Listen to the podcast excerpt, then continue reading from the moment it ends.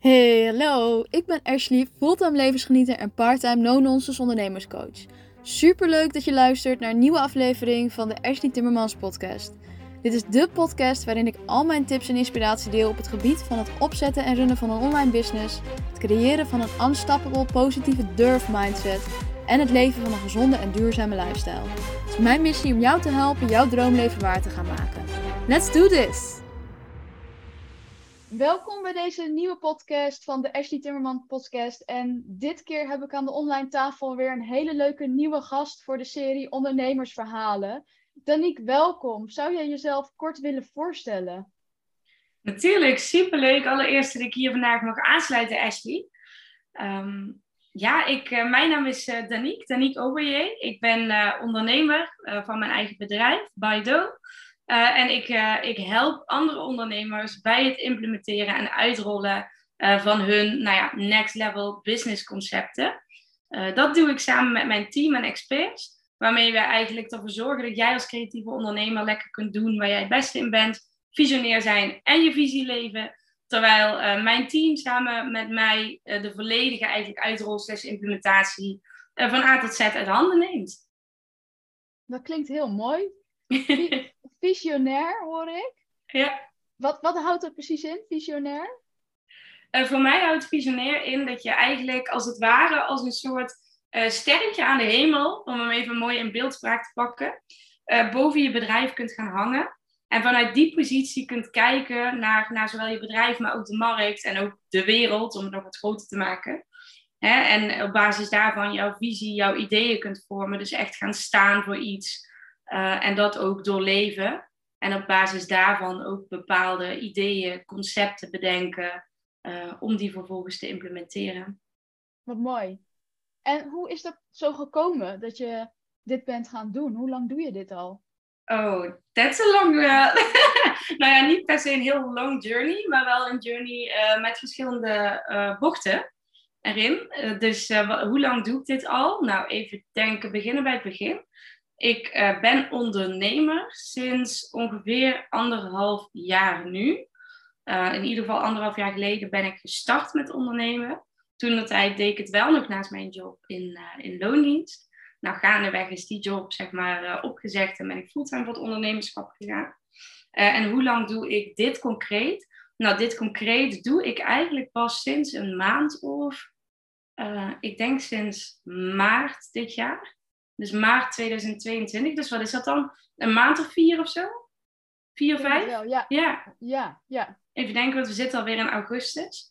Ja, dus dit doe ik eigenlijk nog niet zo heel erg lang. Uh, hiervoor uh, heb ik uh, andere ondernemers of ondernemers to be geholpen bij het opzetten van hun eigen bedrijf.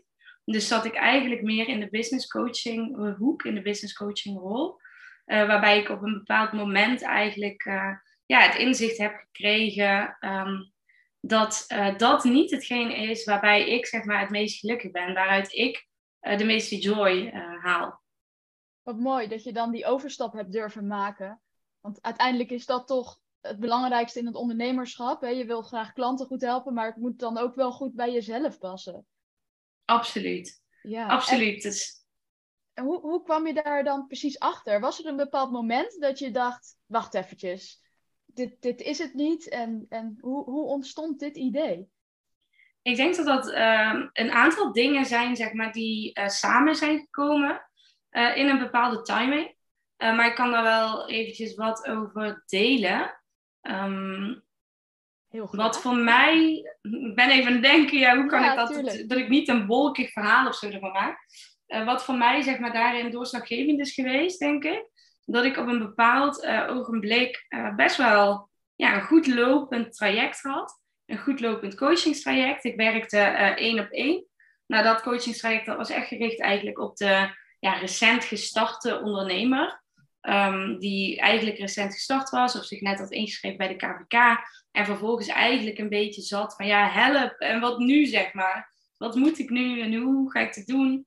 Um, en dat traject dat liep goed. Ik had daar best wel wat klanten in. En op een bepaald ogenblik besefte ik van, joh, hè, um, eigenlijk zit ik op een positie waar ik wilde zitten. Ook financieel en nou ja, alles liep.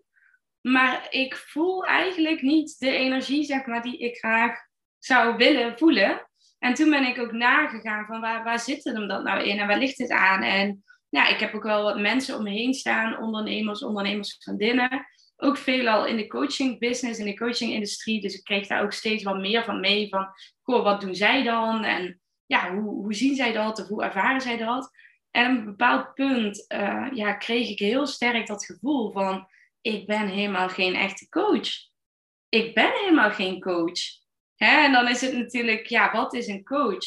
Of wat is een coach niet? Voor mij betekende dat heel erg dat ik het geweldig vond om met die startende ondernemers aan de slag te gaan. Met een stukje brainstormen, met uh, toffe ideeën bedenken, met die ideeën neerzetten. Uh, daar ook zeg maar praktisch gezien een plan op uitzetten en ze daarin ondersteunen. Um, maar wat mij helemaal leegzoog was met name het mindset stuk. En ja, mindset is onwijs belangrijk. En ik hou ervan om aan mijn eigen mindset te werken. Ik doe het elke dag. Maar ik liep zo ontzettend leeg op het andere uh, coach hierin en het andere ondersteunen hierin. En zeker de startende ondernemer. Dat ik dacht van, ik voel me eigenlijk helemaal niet die, uh, um, zeg maar die all-round business coach of ondernemerscoach. Ik voel mij veel meer een ondernemer. En ja, ik denk dat ik vanuit die rol een mentor kan zijn. Maar ik heb mezelf heel lang in een hokje geduwd waar ik eigenlijk voor mijn gevoel wederom niet in pas. Nee, wat mooi dat je daar dan op die manier achter komt. Want coaching is natuurlijk best wel hot. Ja. En uh, het lijkt ook. Uh, voor mij voelt het een beetje. Ik ben zelf natuurlijk ook ondernemerscoach. Maar voor mij voelt het af en toe een beetje in de omgeving alsof de coaching de nieuwe lunchroom of uh, bed and breakfast is. dat mensen ja. die switch daarheen maken. En het wordt zo verromantiseerd. En mensen hebben eigenlijk geen flauw idee wat er allemaal bij komt kijken. En inderdaad, dat stukje mindset kan ik me heel goed voorstellen dat een bepaalde. Ja, je, zult, je, je, je startende ondernemers weten vaak nog niet wat hun te wachten staat, natuurlijk. En dat het best wel een, ja, een, een pittige reis is. Ondernemen is niet makkelijk. En ook al heb jij een bepaalde skill of, of, of uh, kan je iets heel goed, betekent het natuurlijk nog niet goed dat jij ook daadwerkelijk een eigen onderneming kan opzetten. Dus ik snap heel goed dat je daar dan uh, tegenaan liep, inderdaad. En hoe kwam je dan op dit, op, op dit onderwerp wat je nu doet? Um, nou, ik ben eigenlijk weer opnieuw teruggegaan naar de tekentafel. He, van ik voel dit, dit zuigt me op bepaalde vlakken leeg, maar het geeft me op bepaalde vlakken ook heel veel energie. Dus ik voelde eigenlijk een soort uh, ja, dualiteit of zo in de rol of in het hokje waar ik mezelf had ingestopt. En ik ben toen uh, heel erg gaan kijken naar, maar wat zijn dan die elementen uh, die mij juist wel heel erg die energie geven in wat ik nu al doe. Um, dus wat ik eigenlijk, ja, zeg maar in grote lijnen ben gaan doen, is meer gaan doen van de dingen die mij wel die joy en die energie brachten. En de dingen die mij uh, leegzogen, slash ja, waar energie weglekte, uh, die ben ik los gaan laten. En daar is eigenlijk dit aanbod uit ontstaan, waarbij ik dus veel meer richt op A, ja, een stukje brainstormen, sparren met mijn klanten. Maar B, ook het daadwerkelijk uitrollen, implementeren, strategische um, stappenplannen of roadmaps neerzetten. Um, nou ja, structuur aanbrengen, helikopterview uh, bewaken of bewaren, creëren. Ja. Um, en, en dat is gewoon iets wat, ja, dat, dat ben ik gewoon, zeg maar. Ik heb echt het gevoel dat ik nu um, ja, 100% in mijn kracht sta. En dit waren ook de dingen, terugkijkend, die ik in loondienst ook al super tof vond om te doen en waar ik ook al heel goed in was. Maar ik heb me denk ik nooit gerealiseerd dat dit ook een, een optie zou kunnen zijn in het ondernemerschap. Want ja, iedereen werd inderdaad coach. En ja, coaching, ja, daar moest je zijn. Dus ja, laten we maar coach worden, weet je, op die manier.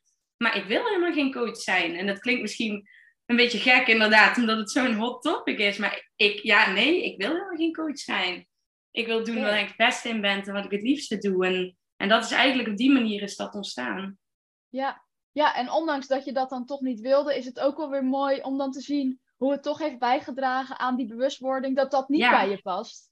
Ja, het is nodig geweest, absoluut. Ja, ja, ja. want je werkte eerst in loondienst en wat deed je daar precies? Um, nou, verschillende dingen. ik heb 4,5 jaar uh, voor werkgevers uh, gewerkt. Ik ben vrij jong afgestudeerd en ook eigenlijk direct begonnen met, uh, met werken.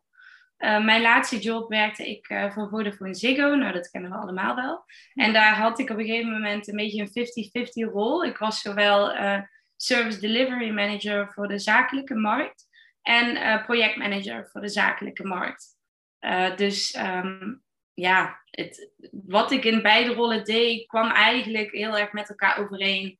Het implementeren of het begeleiden van nieuwe verbeterinitiatieven, van nieuwe projecten het aansturen van teams, het bewaken van het overzicht, uh, de financiën bijhouden, ja, dus budgetair, eigenlijk het totaalpakket daaraan. Ja. ja, ja. En dat deed je in Nederland, maar jij bent nu niet meer in Nederland.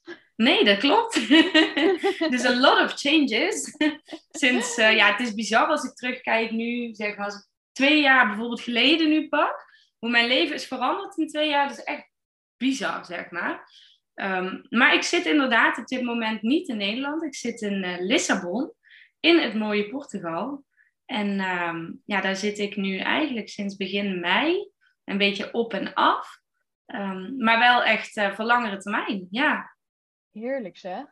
Ja, ja. Het is echt een stap naar mijn hart. ja. Dus eigenlijk ben je echt steeds dichter bij jezelf en, en, en dat ideale droomleven aan het komen, als ik het zo hoor. Ja, ja, ja, absoluut. Daar had ik het deze week nog met, uh, uh, met vriendinnen over. Uh, dat ik me eigenlijk ehm, nog nooit zo mezelf heb gevoeld. Als dat ik me nu voel. juist door ja, min of meer te zaken alles achter te laten bepaalde keuzes te maken, eh, opnieuw te beginnen, maar ook daarmee uh, mezelf denk ik de ruimte te gunnen om uh, ja, echt te, te, doen wat mij gelukkig maakt. En daarin echt keuzes te maken van hoe wil ik mijn leven leiden en wat past daarbij. En ik voel me op dit moment zo ontzettend mezelf. Um, en dat is ook wel een, een redelijk recent, slechts redelijk nieuw gevoel. Maar dat is, ja, dat is zo waardevol, denk ik. Ja, ja en eh, nou ja, ik herken mezelf natuurlijk ook heel erg in jouw verhaal. Maar ik kan me voorstellen, want zou je nog terug willen? In loondienst? Nou, of naar Nederland? Gewoon, ja, of naar je eigenlijk soort van naar je oude leventje, zeg maar. Nee. Nee. Nee, echt niet. Nee, want dat, dat ervaar ik dus ook heel erg van. Als je eenmaal hebt ervaren hoe het is om je eigen pad te volgen, ja. dan voelt dat zo sterk en daar krijg je eigenlijk zoveel zelfvertrouwen van, dat, dat, dat je dan niet meer terug wil en kan. Terwijl de stap hierheen niet altijd even makkelijk was. Zeker ook, ik weet niet hoe jij dat ervaren hebt, maar om die keuze te maken om weg te gaan uit Nederland en om uit loondienst te gaan, dat daar best wel wat belemmerende gedachten bij komen kijken. Heb je dat ook gehad toen de tijd? Absoluut, ja, absoluut. Zeker, uh, um, ik heb dat denk ik nog wel meer gehad met, en ik weet niet of jij dat ook herkent, maar met het verlaten eigenlijk van mijn baan en loondienst dan met de keuze om naar het buitenland uh, te vertrekken. Um, omdat ik denk dat ik met de keuze die ik maakte om te stoppen met mijn baan- en loondienst, iets deed wat heel veel mensen, zeg maar, ja, sowieso niet doen, maar wat ook best wel indruiste tegen um, ja, hoe het nou eenmaal, zeg maar, hoort tussen haakjes binnen de maatschappij. Wat er van mij verwacht werd, wat mensen dachten dat ik zou doen. Uh, en ik maakte daarmee eigenlijk een vrij radicale keus om tegen de stroming in te gaan zwemmen. Uh, met natuurlijk alle um, ja, onzekerheden die daar ook wel bij komen kijken. Want laten we eerlijk zijn, op het moment dat jij gewend bent om elke maand een vast salaris op je rekening te krijgen, je maakt de keuze om te gaan ondernemen, zeker in die startperiode, uh, is dat toch wel even heel anders. En heb ik dat ook al als pittig ervaren. Maar dat was voor mij wel um, ja, waar de meeste belemmerende overtuigingen bij kwamen kijken. Herken jij dat? Of was het voor jou andersom? Nou, ik heb eigenlijk altijd al ik heb eigenlijk nooit voor een baas kunnen werken. Dus voor mij uh, heb ik wel telkens inderdaad met één voet in loondienst gestaan aan het begin dan van mijn ondernemersreis en met één voet als ondernemer. Ehm, maar bij mij ging dat eigenlijk dus vrij organisch. Maar ik herken natuurlijk wel heel erg die belemmerende gedachten en vooral ook het hebben van een omgeving die gewoon niet je keuze snapt. Want hè, je kan daar eh, doorgroeien en je hebt een eigen huis. En, en dat geef je toch niet op voor, voor wat dan? Voor niks. Want zo zien zij dat, hè? Want je krijgt er niks voor terug. je hebt heel veel en je krijgt er straks niks voor terug. Maar zo is het natuurlijk helemaal niet. Nee, nee, nee, mooi dat je dat zegt. Want ik zie het zelf vaak, en dat, dat ervaar ik nu ook in andere keuzes die ik maak, alsof je soms uh, springt, zeg maar. Maar je ziet, je ziet zeg maar, de overkant nog niet helemaal. Waar je naartoe springt of zo. Alsof daar nog een, een missige laag of wat dan ook, zeg maar, tussen hangt. En ik denk dat daar ook wel gewoon moed voor nodig is. Of ballen voor nodig zijn om dat te doen. Maar wanneer je eenmaal door die mislaag zeg maar, heen bent gegaan en je ziet die overkant, dan is dat vaak uh, nog veel mooier dan dat je had uh, kunnen, kunnen denken of kunnen voorstellen. Uiteindelijk. En natuurlijk zijn er ook hè, alles gaat met highs en lows. Dat, dat wil ik niet zeggen. Nee, ja, tuurlijk. Dat hoort er ook een beetje bij. Maar ik denk dat je daar helemaal gelijk in hebt. En, uh, mijn business coach die gaf inderdaad een voorbeeld. Die zij weer van iemand anders had. Van je staat uh, in een cirkeltje en dan heb je een trappetje omhoog naar een ander cirkeltje. En tijdens uh, dat je dus naar dat nieuwe level klimt, sta je op die trap en daar kan je vanaf vallen. Dus dat is heel erg spannend. En je weet niet hoe het is in dat nieuwe cirkeltje. Maar op het moment dat je eenmaal die trap hebt gepakt en in dat nieuwe cirkeltje staat, dan gaat er een hele nieuwe wereld voor je open. En dan ja, val je niet meer naar beneden, want je hebt die trap gepakt en je staat weer op een nieuw, hoger level. Mooi. Ja, die heb ik nog niet eerder gehoord, maar ik vind het een hele mooie omschrijving. Absoluut. Ja, en ik denk. Ik ook. Ja, ja dat, dat beschrijft wel heel mooi uh, ook het proces daarin. En ik denk dat altijd wanneer jij zegt met tussen één cirkeltje en het andere cirkeltje in bent, eigenlijk je bent het oude aan het loslaten. Maar het nieuwe, daar kun je nog niet helemaal bij. Dat dat altijd een, een ja, in die zin een oncomfortabele situatie is. Ja, ja, zeker. Een spannende situatie. Ja, absoluut. En, en als je nu kijkt naar, want je hebt dan best wel ervaring met, uh, nou ja, in, in de korte tijd dat je ondernemer bent met het opzetten van een business zelf ook. Ja. Uh, meerdere malen. Um, hoe kom je aan je klanten? Hoe kom ik aan mijn klanten? Spannende vraag. Nee, grapje. is helemaal niet zo spannend, want ik heb op dit moment eigenlijk een heel, ja, een heel simpel aanbod. ik werk uh, eigenlijk maar met één traject, het eigenzinnig en innovatief traject, maar het is wel een maatwerktraject. Dus dat geeft mij de ruimte om per uh, klant wel te kijken van waar ligt de behoefte en hoe kunnen we daar zeg maar mee spelen, slash een mouw uh, aanpassen. Um, dus dat maakt dat ik eigenlijk niet werk met uh, weet ik hoeveel honderd e-mail funnels, met mailinglijsten, met uh, dat soort dingen. Dat, ik heb het wel gedaan um, toen ik zeg maar ook business coach, uh, toen ik mezelf business coach noemde. Ja. Maar ik heb ook ontdekt dat dat niet echt een manier is die bij mij ja, per se past of zo. Dus op dit moment, um, ja, ik, ik weet het niet. Ik vond het ingewikkeld. Ik vond het, voelen, ik vond het geforceerd voelen en niet natuurlijk. Um, en daar wil ik helemaal niet mee zeggen dat er iets mis is met e-mail funnels of met mailinglijsten of dat soort dingen. Ik denk juist dat ze heel goed kunnen werken. Um, maar het, het, ja, het past niet bij mij. Het voelde niet ja. goed. Ja. En dan moet je het ook gewoon niet doen. Dat vind ik zo mooi aan jouw verhaal ook. Je volgt echt ja, je eigen pad daarin. En ook als ondernemer. Ja, steeds meer. Maar ik heb dus wel heel veel geprobeerd uh, om tot die ontdekking te komen wat dan dat pad is. Want als ik het niet had geprobeerd, wist ik het ook niet. En misschien denk ik daar over drie jaar wel weer anders over. Dat kan. Uh, maar voor nu inderdaad hou ik het eigenlijk heel simpel en krijg ik uh, de meeste van mijn klanten via Instagram. Ik ben actief op Instagram. Um, meestal via de DM, dus echt in interactie met mensen, in het gesprek met mensen. Um, of via direct sales, dat doe ik wel. Ik benader wel eens mensen of klanten, potentiële klanten, waarvan ik denk, nou, jou vind ik echt zo onwijs tof. Zeg maar, met jou zou ik super graag willen samenwerken. Dus eigenlijk de omgekeerde wereld. Niet de klant die denkt, jou moet ik hebben. Maar ik die denk van, hé, hey, maar jou vind ik heel erg leuk. En uh, hen benader ik wel eens, eigenlijk via, ja, via de mail. Dus in die zin direct sales. En daar haal ik ook wel, wel klanten uit, ja. Wat tof, want dat vinden heel veel ondernemers heel spannend, wat jij doet. Ja, dat vond ik ook.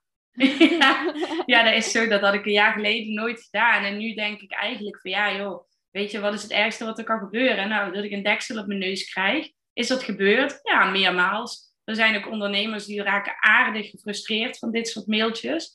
Uh, oh, ja? Of dit soort mailtjes. Nou ja, in ieder geval, die, uh, ja, die, die ontvangen het niet lekker.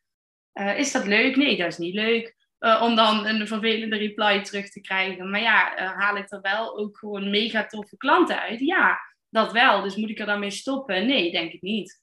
Dus dat hoort er denk ik bij. Ja.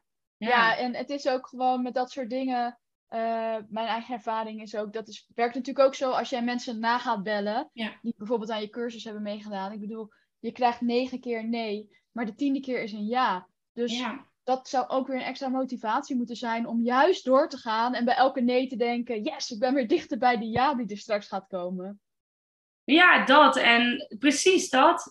Elke nee brengt je dichter bij een ja. En ik lees zelf eigenlijk ook altijd wel heel veel uit of af, steeds meer. Ook aan de responses eh, die bepaalde ondernemers ook geven. Waarbij het ook wel eens voorgekomen is dat ik dacht van jou lijkt mij echt een super tof persoon. Ik wil heel graag met jou samenwerken. En dat ik eigenlijk uit die reply haalde van yo, wij zitten op zo'n ander energielevel. Zeg maar op zo'n andere energie eigenlijk denk ik dat wij helemaal niet zo goed bij elkaar passen als dat ik dacht. Dus het is goed zo. Ja. Ja, Dus je leert er ook wel weer heel veel van. ja, mooi. Ja. En dus, dus je doet vooral direct sales en je Instagram? Ja. ja, en ik heb ook een podcast, eh Visioneer en Vrij. En daar, eh, ja, dat is eigenlijk tot nu toe heel organisch gegaan. Maar daar ga ik vanaf deze maand ergens wel advertenties op draaien. Omdat ik eh, ja, ook benieuwd ben. Ik heb eerder nog niet met advertenties gewerkt. Dat is een van de dingen die ik dus nog niet geprobeerd heb. Eh, Ja. En ik wil eigenlijk gewoon eens kijken van, ja, wat doet dat? Hè, hoe werkt dat? Ik zie dat ook heel erg spelen. En als een experiment. Ja. Dus ja, daar kan ik nog niet zo heel veel over zeggen. Nee, wat, wat, hoe pak je dat dan precies aan? Advertenties in je podcast? Ehm, nou ja, eigenlijk advertentie draaien op specifieke afleveringen. Eh, dus ik heb bijvoorbeeld twee afleveringen in mijn podcast die eh, lopen eigenlijk, ja, die gaan gewoon heel goed. Waarom, weet ik niet. Die zijn heel populair. Ehm, en om daar gewoon eens een advertentie op te gaan draaien, op die specifieke eh, podcast. Dus dat doe ik nou, in de vorm van een snippet, dus een klein voorbeeldje, een fragment, eh, met een tekst erbij. En dat eigenlijk gewoon via Facebook ads ehm, op Instagram gaan draaien. En dat Oh, klinkt tegenstrijdig, maar ja, Facebook is natuurlijk meta, dus dat gaat over alles heen. Ja, Eh, dus via de Facebook eh, advertentiemanager dan op Instagram daar advertenties op gaan draaien. Om eigenlijk het bereik van de podcast wat te vergroten. En eens te kijken van, ja, kan ik op die manier misschien weer mijn vijver als het ware wat vergroten. Wat nieuwe mensen in die bestaande vijver gaan, gaan krijgen. ja. Ja. nee, ja, ik begreep je even verkeerd. Ik dacht dat jij bedoelde dat je advertenties in je podcast ging Oh, nee, nee. vertellen, zeg maar. Ja, ja maar je Oh, gaat nee. je eigen... Op de podcast. Ik ga ja. mijn podcast adverteren. Ja. ja, ja, goed. Ja, ja, leuk. Ja. ja. En Instagram, eh, als je daar naar kijkt, eh, ik hoor dat vaak, hè? Want Instagram is best wel een, een media waar ondernemers veel gebruik van maken. Ehm, merk je niet dat het verzadigd is? Mm, Nee. Nee, ik denk van niet. Ik denk wel als je terugkijkt natuurlijk naar een aantal jaar geleden, eh, dat in die zin Instagram wel veranderd is. Waar het eerst heel makkelijk was om organisch te groeien, zeg maar, wordt dat natuurlijk steeds lastiger door het algoritme ehm, wat erachter hangt. Maar nee, ik denk dat er, eh, zeg maar, iedereen die op Instagram iets aanbiedt of het zakelijk gebruikt, heeft iets specifieks te bieden. Hè? En ik denk ehm, dat er genoeg plek is in die markt voor iedereen. Want eh, iedereen doet net iets anders en iedereen biedt net iets op een andere manier. Dus wat jij aanbiedt, het kan net zijn dat zeg maar Pietje of Jantje vindt het verschrikkelijk. Maar eh, weet ik veel, Betty eh, van, van om de hoek, die, die denkt, ja, jou moet ik hebben. Dus ik denk dat er op die manier zeg maar, op elk potje een dekseltje past. Ehm, en dat die markt zeker niet in die zin niet verzadigd is, nee. Nee, die mening deel ik helemaal hoor. Maar Ja? ik denk dat de luisteraars daar echt wel iets aan hebben. Omdat dat natuurlijk vaak het eerste is wat in je opkomt. Van ja, Ja. er zijn er al zoveel. En, en ja, ik vind het dan mooi hoe je dat weer zegt. Dat, daar moet je echt niks van aantrekken. Want jij bent je eigen merk. En, Ja. en jij hebt weer een eigen tone of voice. En een eigen gezicht. En eigen dingen die je uitdraagt. Precies dat. En ik zeg ook wel eens van ja, ja oké, er zijn inderdaad een, een hoop coaches bijvoorbeeld, hè. Maar jij koopt toch ook niet maar één trui per jaar? Ja, Ja. zeg maar, ja, of je, je draagt toch ook niet het hele jaar hetzelfde, of wat dan ook. Zeg maar, dus er is, ik denk dat er in die zin eh, ruimte of plek is voor, voor iedereen, zolang er ehm, ja, die vraag en aanbod, hè, zolang dat eh, in balans is. En dat is in mijn optiek nu echt nog wel ehm, echt mogelijk, ja. ja. En Ja. je zegt dan, nou, dan komen mensen naar mij toe eh, via de DM. Ja. Siri, sorry. Siri begon te kwebbelen, dus... Uh, die wil ook even wat zeggen. Ja, die had het ook over truien. ja, vertel, sorry. Ehm, nee, dus uh, Instagram, hoeveel tijd besteed je daar dan aan? En wat doe je dan precies om daar jouw uh, ideale klant te bereiken? Een goede vraag. Die heb ik nog niet eerder gekregen. Ik moet zeggen dat ik ook niet de type ondernemer ben dat werkt met tools zoals Toggle of dat soort dingen. Ik ken ze wel. Dus hoeveel tijd besteed ik daar aan? Ja, even een vingerspitsengevoel. Oeh, ja. Ik zorg in ieder geval dat ik consequent zichtbaar ben. Dus ik probeer eigenlijk twee tot drie posts per week te plaatsen. Nou, eentje daarvan is mijn eigen podcast, die ik eigenlijk elke donderdag online slinger. En daarnaast maak ik meestal nog een reel of een gewone post. Ehm, en ik ben eigenlijk bijna dagelijks zichtbaar op stories. Maar ook omdat ik dat gewoon heel erg leuk vind. Ik vind het ook leuk om mensen mee te nemen in mijn leven. En ook in mijn leven bijvoorbeeld hier in Lissabon. Vinden mensen ook heel interessant om te zien. Um, wat ik hier doe, wat ik beleef. En natuurlijk het, het zakelijke stukje. Uh, dus ik vind het heel leuk om op die manier zeg maar privé en zakelijk te kunnen combineren. En hoeveel tijd ik daar dan wekelijks aan kwijt ben, vind ik heel moeilijk eigenlijk te zeggen. Want ik, uh, mijn content die batch ik heel vaak. Dus dat betekent dat ik echt, nou, eh, zeg maar, ik wil teksten gaan schrijven of ideeën bedenken voor reels of, of whatever. Omdat ik daar gewoon echt een paar uur uh, voor blok, bij wijze van spreken, in een koffietentje ga zitten. Dat werkt voor mij heel goed. En dan lekker aan de slag ga. En dan heb ik vaak content waar ik vervolgens weer, zeg in twee weken, soms wel drie, zeg maar, mee vooruit kan. Uh, door dat te bundelen. Dus um, ja, ik vind het heel moeilijk om daar zeg maar een concreet antwoord op te, op te geven, omdat ik het op die manier aanpak. Ja, maar dat is, al, dat is al denk ik een hele goede tip, want ik gebruik dat zelf ook, want dat vind ik voor, voor mij ook het beste werken, omdat als je dan een keertje geen idee hebt, maakt het dus niet uit, want er staat gewoon genoeg content voor ja. die, de rest van de, van de maand of van de week. En als je dan weer inspiratie krijgt, dan maakt het ook niet uit, kan je het of direct plaatsen, of je hebt Ja. weer content voor daarna, als je dat ehm, eh, daarna ook nog kan posten. Precies, ja. En- En naast content plaatsen en maken op Instagram, doe je dan nog wat anders op Instagram? Ehm, ja, ik ben eigenlijk altijd in die zin op zoek naar ehm, ehm, met wie kan ik de interactie aangaan.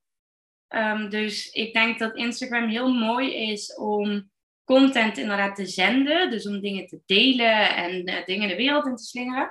Maar ik vind het eh, ook gewoon heel erg leuk en dat heeft zich tot nu toe ook heel waardevol bewezen om juist echt die interactie op te zoeken en echt het gesprek zeg maar met mensen eh, aan te kunnen gaan en ook te leren van wie volgt mij nou, wat speelt daar, wie is dat, Ehm, zeg maar echt een stukje interesse ook. Dus concreet, hoe doe ik dat? Nou, als ik zie dat iemand mij bijvoorbeeld mijn profiel is gaan volgen, ja, dan ga ik altijd wel even kijken van, joh, wie is dat? Hè, wat doet diegene? Eh, en dan heel vaak is het zo dat ik eh, bijvoorbeeld even een spraakberichtje stuur. Van, hey joh, leuk, weet je, eh, welkom, inspirerend profiel. Ik ben nieuwsgierig, wat is jouw verhaal? Of wat doe jij precies? En natuurlijk op basis van wat ik bij diegene dan, dan terugzie. Maar om echt iemand ook te leren kennen en ook te horen van, ja, wie, wie, wie is dat nou? En, en waarom volgt diegene mij? En ja, tuurlijk kan daar uiteindelijk ook uit ontstaan van, goh, ehm, jij bent een ideale klant van mij of ik heb jouw diensten nodig. Nou, dan gaan we samen, zeg maar, in gesprek. Ehm, Ja. In een belletje of in een Zoom-call. Maar echt die, die interactie opzoeken, ja. Ja, en ik denk ook niet alleen dus om je ideale klant die manier te vinden, maar je krijgt inderdaad ook heel veel inzicht van hé, hey, wie volgt Ja. mij nou? En, en je bent direct aan het netwerken, dus je vergroot je netwerk veel meer. Ja. Ja, het heeft natuurlijk meerdere, meerdere doeleinden. Je leert er heel veel van. Soms haal ik er ook klanten uit. Ehm, best vaak op die manier overigens. Eh, maar je leert ook heel veel mensen kennen. Dus als ik, wanneer ik iets nodig heb, en zeker in mijn geval ook. Hè, ik werk natuurlijk met een implementatieteam. En daar staat natuurlijk wel een, een basisteam, staat er eigenlijk voor vast. Maar op basis van het concept dat geïmplementeerd moet worden, kunnen daar ook weer toevoegingen in gedaan worden of net wat andere expertises voor nodig zijn. En dan is het natuurlijk ook op die manier al heel handig om te weten van, goh, ik heb bijvoorbeeld heel specifiek een eh, UX-designer nodig, ik zeg maar wat. Ja, dan weet ik vaak wel al van, oh ja, die ben ik laatst eens tegengekomen. Weet je, daar heb ik mee gesproken. Interessant om eens om tafel te gaan. Ja, En te ja. kijken of diegene misschien op die manier mijn team kan versterken. Ja, Ja, want, want daar was ik ook nog heel nieuwsgierig naar. Want je werkt dus met een team, maar je bent wel ZZP'er. Ja. Hoe, hoe geef je dat precies vorm? Hoe moet ik dat voor me zien? Ja, dat was ook iets wat ik uh, me in het begin afvroeg toen ik dit ging doen. Van joh, hoe werkt dat? Hè? Maar eigenlijk heel, heel simpel. Ik werk gewoon zelfstandig, gewoon ZZP. En ik werk met mijn team ook samen op ZZP-basis. Um, dus wat we daarbij uh, doen, ik, uh, een klant komt bij mij, nou een klant heeft een bepaalde vraag, die wil een nieuw online platform of zo gaan lanceren, hè, even hypothetisch gezien. Dan ga ik met die klant samen om tafel, dan gaan we brainstormen. Wat is daarin belangrijk? Hoe moet dat eruit zien? Nou, dan gaan we die planning maken, eigenlijk die roadmap. Dus welke elementen komen daarin terug? Welke tijdslijnen kunnen we daaraan koppelen? En dan ga ik vervolgens ook kijken naar wie hebben we daarvoor nodig. En dan um, ga ik die mensen uh, aantrekken. Nou ja, een basisteam is eigenlijk met name nou, copywriting, vormgeving, um, soms ook fotografie. Uh, bijvoorbeeld iemand die voor advertenties zorgt. Weet je, dat zijn eigenlijk de rollen die ik in mijn basisteam terug heb komen, omdat dat meestal elke keer weer terugkomt. Maar als het natuurlijk een online platform is, dan kan het zijn dat ik daar ook nog een, uh, een IT-developer een webdeveloper, weet ik veel wat voor nodig heb. Uh, dus dat ga ik dan samenstellen. En dan ga ik eigenlijk met die teamleden ga ik in gesprek van, goh, dit is zeg maar de vraag die er ligt. Hier willen we naartoe. Dit zou jouw stukje zeg maar kunnen zijn. A, vind je het leuk om te doen natuurlijk. Maar B, hoeveel uur denk je ook daaraan kwijt te zijn? Of wat is jouw tarief daarvoor? Dus wat ik eigenlijk doe, is ik werk wel met uh, pakketprijzen. Dus naar de klant toe is er een pakketprijs. Dat is vaak bij complexe trajecten ook wel een vanafprijs. Uh, zodat ik daar iets flexibiliteit in bewaar. En ook met het team gaan we op die manier ook te werk. Dus niet zozeer op basis van ja, uurtje factuurtje, maar wel van hey, dit is het stuk wat jij kunt gaan opleveren. En daar spreken we zeg maar samen voor af dat dit bedrag voor staat. Uh, wat heel praktisch inhoudt dat ik de eindklant factureer voor het totale pakket. Dus daar zit het team helemaal in. Plus natuurlijk mijn bijdrage daarin, plus een stukje winstmarge. Um, en ik vervolgens, uh, of de, nou ja, de teamleden mij vervolgens weer een factuur sturen voor het afgesproken werk dat zij geleverd hebben. Wat ik vervolgens zeg maar weer uitbetaal aan de teamleden. Ja.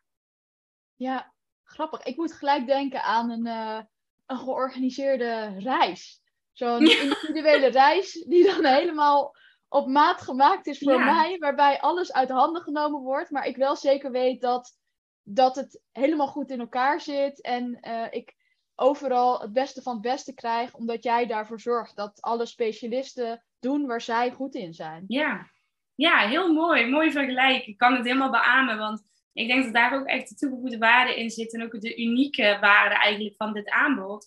Is dat je um, iets gaat implementeren. Hè, en dat kunt doen eigenlijk met één aanspreekpunt. Net zoals met die op maat gemaakte reis, nou die boek jij bij bijvoorbeeld via een personal travel agent. Hè, dat is jouw aanspreekpunt. En diegene gaat ervoor zorgen dat vervolgens alle lijntjes die daarbij onder vallen, dat die weten wat ze moeten doen. Dat daar afspraken zijn, dat dat allemaal geregeld is. In plaats van dat jij als persoon, als jij prijs gaat, maar ook in dit aanbod, uh, dat je al die verschillende lijntjes zeg maar, moet gaan managen. En met al die mensen contact moet hebben. En al die mensen moet gaan checken van is het nou geregeld of niet. En wat spreken we daar nou zeg maar mee af? Dus het is echt ja, ontzorging eigenlijk van A tot Z. Ja. ja, ja. ja. En jij zit nu in Portugal. Mm-hmm. Nou, ik reis ook veel, maar mijn thuisbasis mm-hmm. is nog steeds in Nederland. En wat heel veel mensen die locatie onafhankelijk willen gaan werken zichzelf afvragen is: hoe doe je dat dan met je bedrijf? Als je gaat emigreren, ja. moet je dan je bedrijf uitschrijven of niet? Hoe heb jij dat geregeld? Um, nou, ik uh, zal daar heel eerlijk en transparant in zijn. Ik heb daar eigenlijk nog niet zo heel veel voor geregeld. Uh, ik ben uh, vertrokken naar Portugal. Um, ik sta op dit moment wel nog ingeschreven in Nederland. Dus ik sta ingeschreven bij mijn, bij mijn ouders, gewoon op mijn ouderlijk adres op dit moment. dat betekent ook dat daar ook alle post en zo, weet je, dus allemaal de praktische dingen, zeg maar, dat gaat daar naartoe. Um, en mijn bedrijf staat daardoor ook gewoon nog ingeschreven in Nederland. Uh, in eerste instantie voor mij, omdat ik nog niet helemaal zeker weet hoe lang ik in Portugal wil blijven. Het kan voor mij ook zo zijn dat ik zeg maar over een jaar of een half jaar zeg van goh, Spanje lijkt me ook heel tof, want dat lijkt me ook heel tof. Ik ga nog even door zeg maar wat andere plekken ontdekken. Ehm, en dan is het natuurlijk gewoon niet praktisch om elke keer weer die hele papierwinkel te doen en je bedrijf weer helemaal te emigreren naar een ander land. Dus dat zou onlogisch zijn. Eh, op het moment dat ik echt voel van hé, hey, ik ga hier settelen en ik blijf hier echt long, long term. Uh, ja, zeker, dan komen daar ook dingen bij kijken uh, qua emigratie. En dan is ook nog de vraag van ja, je kunt je als persoon natuurlijk emigreren. Dat is helemaal niet zo complex trouwens binnen Europa om dat te doen, bijvoorbeeld van Nederland naar Portugal. En dan is de vervolgende, of de, de vervolgvraag, van wat doe ik met mijn bedrijf? En daar zou ik me ook uh, belastingtechnisch even in willen laten adviseren. Want daar komen natuurlijk ook wel allerlei dingen bij kijken. Maar, wat is ook belastingtechnisch nou handig om te doen of om niet te doen? En daar heb ik me tot nu toe eigenlijk nog niet heel erg mee bezig gehouden, moet ik heel eerlijk zeggen. Nee, maar dat vind ik nou ook alweer grappig, want heel vaak hoor je dus dat mensen zich laten tegenhouden door die praktische kant. Ja. Maar jij doet het gewoon en die praktische kant komt wel. En dat is ook gewoon hoe het werkt in de realiteit. Want als jij toch nog niet zeker weet waar je gaat wonen voor goed, wat, of als dat al gaat gebeuren, dan is het gewoon veel makkelijker om alles lekker te laten zoals het is.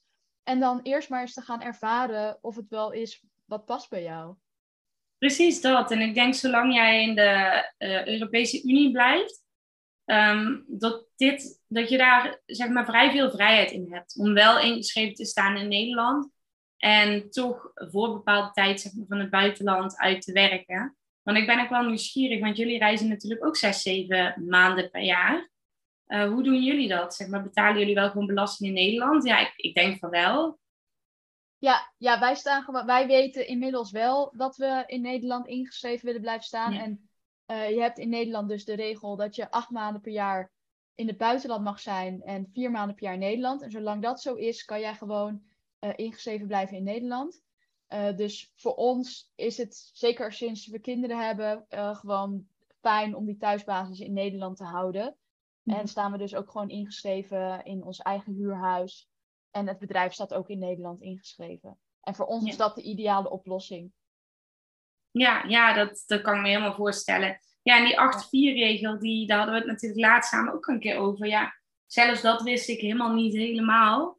Uh, maar ja, goed, dat is voor mij dan ook nog eventjes aftasten van wat uh, ga ik daarmee doen, wat gaat ermee gebeuren. Uh, en de ervaring die ik tot nu toe heb, is dat dat ook allemaal redelijk flexibel is. Maar goed, dan zeg ik iets wat misschien ethisch niet helemaal verantwoord is in een podcast. ja. Nee, dat valt wel mee, want ik weet toevallig ook dat als jij inderdaad de intentie hebt om te gaan emigreren en dat ook aangeeft, uh, dan is er heel veel mogelijk. En uh, ja, dat zijn gewoon geen dingen waar je in de eerste instantie druk over moet maken als je deze plannen hebt. Dan moet je gewoon lekker gaan en gaan uitproberen of het inderdaad zo leuk is als ja. dat je denkt dat het is. En na die acht maanden of na dat jaar, of misschien ga je wel inderdaad een paar maanden het jaar terug en kan je het daardoor weer verlengen. En daarna zie je vanzelf wel, dan, dan gaat dat balletje vanzelf rollen. Ja, helemaal eens, helemaal eens. En uh, ik denk dat het ook goed is om dat gewoon stap voor stap te doen. Want als je alles in één keer, zeg maar, helemaal uitgezocht wil hebben, dan kan dat best wel overweldigend zijn. Want je bent en naar een nieuwe plek aan het gaan, en 20.000 regeldingen aan het doen. En je weet nog niet helemaal of je hier wel thuis voelt of niet. En ja, dus wat dat betreft helemaal eens. Ik denk lekker gaan en gaandeweg gewoon stapje voor stapje uh, dingen zeg maar uitzoeken. Um, Want dat is, ja, dat is ook de manier waarop ik het nu doe. Ik, ik heb hier bijvoorbeeld in Portugal nu wel een NIF-nummer aangevraagd. Nou, toen ik hier kwam dacht ik ook, NIF wat? Hm? Zeg maar, uh, wat, wat is dit? En dat, dat komt wel. Dat doe je gewoon stapje voor stapje. En dadelijk met mijn vaste plek... Uh, ja, moet ik ook de, de water, zeg maar het waterbedrijf, elektriciteit, wifi, dat soort dingen zeg maar allemaal op mijn naam zetten. Nou, inmiddels weet ik ook wel al hoe dat werkt. Had ik ook een maand geleden geen benul van. Dus eigenlijk gewoon step by step. En, en dan valt het ook, dan is het allemaal te behappen. Ja, ja. ja. En, en nog even terug naar jouw bedrijf. Want uh, wat is jouw, wie, wie uh, is jouw ideale klant? Op wie richt jij je? Ja, mijn ideale klant is echt uh, de creatieve ondernemer. Dus dat is natuurlijk best wel breed. Uh, ja, over wel of niet niche, daar kunnen we een andere hele podcast over opnemen. Uh, nee, ja, mijn, uh, ja, dus de idea, nou, de creatieve ondernemer wilde ik zeggen. om hem iets specifieker te maken, is het echt de creatieve ondernemer die eigenlijk niet in een, in een hokje te vangen is. Dus een, een vrije ziel, net zoals dat ik ben. avontuurlijk, altijd op zoek naar nieuwe ervaringen, naar reuring. en vaak een tikkeltje chaotisch. Want vaak zie ik in ieder geval ook bij mijn bestaande klanten, zijn creatieve ondernemers, ondernemers die heel veel ideeën hebben. Hè? Dus echt duizenden en één toffe ideeën. Uh, maar tegelijkertijd het ook heel moeilijk vinden om daar structuur in aan te brengen en iets op daadwerkelijk zeg maar, van de grond te krijgen. Dus waardoor ze of een hele wachtboel in hun hoofd hebben, of op allerlei blaadjes van alles getekend hebben en geschreven hebben. Maar ja, dat ligt vervolgens ook helemaal verspreid en daar, daar komt eigenlijk niks, uh, niks van. Um, dus, dus dat eigenlijk. Uh, en de, degene die, ja, die een steady bedrijf hebben, dus zeggen een omzet van circa 60k per jaar. Per jaar, nou, ik vind dat altijd zo van ja, als je daar buiten valt, uh, help ik je dan niet? Nee, natuurlijk help ik je dan wel. Mits jij in mijn straatje past en ik word er blij van. Um, maar in ieder geval degene die weten wat ze willen, die weten wat ze doen, die de markt kennen, die weten voor wie ze er willen zijn en wat hen drijft. Ja, ja, ja. mooi. Ja, en, als en je, ik denk als je... Ja, sorry. daarin een kleine toevoeging. En ik ben heel benieuwd hoe jij dat ziet, want jij bent natuurlijk ondernemerscoach. Ik niet meer. Maar ik denk dat we onszelf daarin vaak ook al een beetje te serieus nemen. Of te serieus nemen in die zin van, um, zeker met het aanspreken van die ideale klanten, met het neerzetten van een aanbod, van dit is mijn ideale klant, dit is mijn aanbod. Als jij één boxje zeg maar niet afvinkt, dan help ik jou niet. Want oh jee, je past er zeg maar niet helemaal in. Terwijl ik denk, joh, je hebt zeg maar een vraag, een hulpvraag. Je hebt bepaalde kwaliteiten, ofwel je hebt je aanbod. En dat het ook een kwestie van spelen is om die eigenlijk nader tot elkaar te brengen. En als het iets is waar, waar, ik, waar jij blij van wordt, ja, why not? Zeg ja, maar. absoluut. Ja, daar ben ik het helemaal mee eens. En uh, ik denk juist wat ik vaak zie is, en dan heb ik het ook alweer over die startende ondernemersgroep, of waarbij je op een gegeven moment niet verder groeit en je wel klanten hebt, maar het niet echt lekker loopt, dan zie je vaak dat ze juist geen ideale klant hebben, waardoor ze iedereen willen helpen. En zeker coaches en experts. En dan voelt niemand zich meer aangesproken, want, want er staat niks op die website wat, ja, wat die pijnpunten van die ideale klant raakt. Uh, maar het is, en, en dan hoor je ook vaak terug inderdaad dat ze dus bang zijn om mensen uit te sluiten. Maar het tegenovergestelde gebeurt juist. En jij hebt wat jij precies zegt, je hebt altijd nog de mogelijkheid als iemand zegt, stel jij richt je op vrouwelijke ondernemers en er komt een man bij jou en die vraagt, ja. hey, uh, ja, ik, ik, ik, ik zoek precies wat jij biedt, maar ik ben een man. Nou ja, als die klik daar is en, en als jij denkt, ik kan jou helpen en ik vind het leuk om je te helpen, dan, dan help je die man natuurlijk. Dus ja. dat is iets waar, waar, ja, waar mensen dan vaak van denken, hey, als ik de ideale klant kies, dan sluit ik de rest van de wereld helemaal uit. Maar dat is niet zo. Je, je zorgt er enkel en alleen voor dat jouw boodschap veel helderder naar buiten komt. En die, die specifieke groep zich heel erg aangesproken voelt. En jij echt um, ja, uh, uh, veel beter jouw boodschap naar buiten kan brengen. Ja, helemaal eens. Ja. Nee. Ik had nog. Oh ja, ik weet het alweer. Ja. Ik was een beetje kwijt. Ja, ik wilde zo de podcast gaan eindigen. Maar ik had nog een hele leuke vraag voor jou. Um, wat is nou de tip die jij mee zou willen nemen, geven aan uh, ondernemers? De tip. Ja, de tip, zeg maar, die mij nu 1, 2, 3 te binnen schiet, is uh, gun jezelf de ruimte om, om te spelen binnen het ondernemerschap. En ik heb dat woord natuurlijk al een paar keer gebruikt in deze podcast. Dus misschien wat tekst en uitleg daarbij. Um, uh, gun jezelf de ruimte om dingen uit te proberen. Hè? En durf daarbij zeg maar ook op je plaat te gaan als het een keer niet werkt.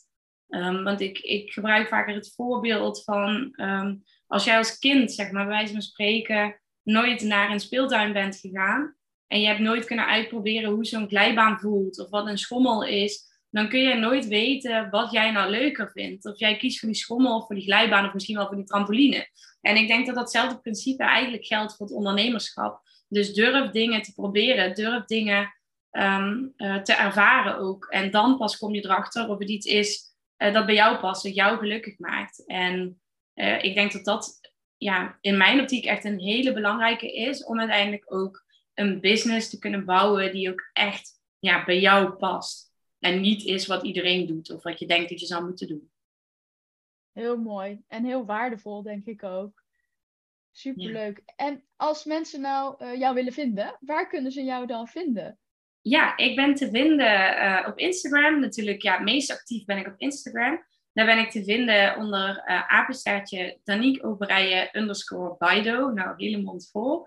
Uh, ik denk dat het handig is als jij zou willen om ze ook even in de show notes te zetten. Dan ja, hoef ik zeker. ze nu niet helemaal te spellen. Nee, nee dat ehm, hoeft niet. nee, precies. En op uh, www.baidocoaching.nl.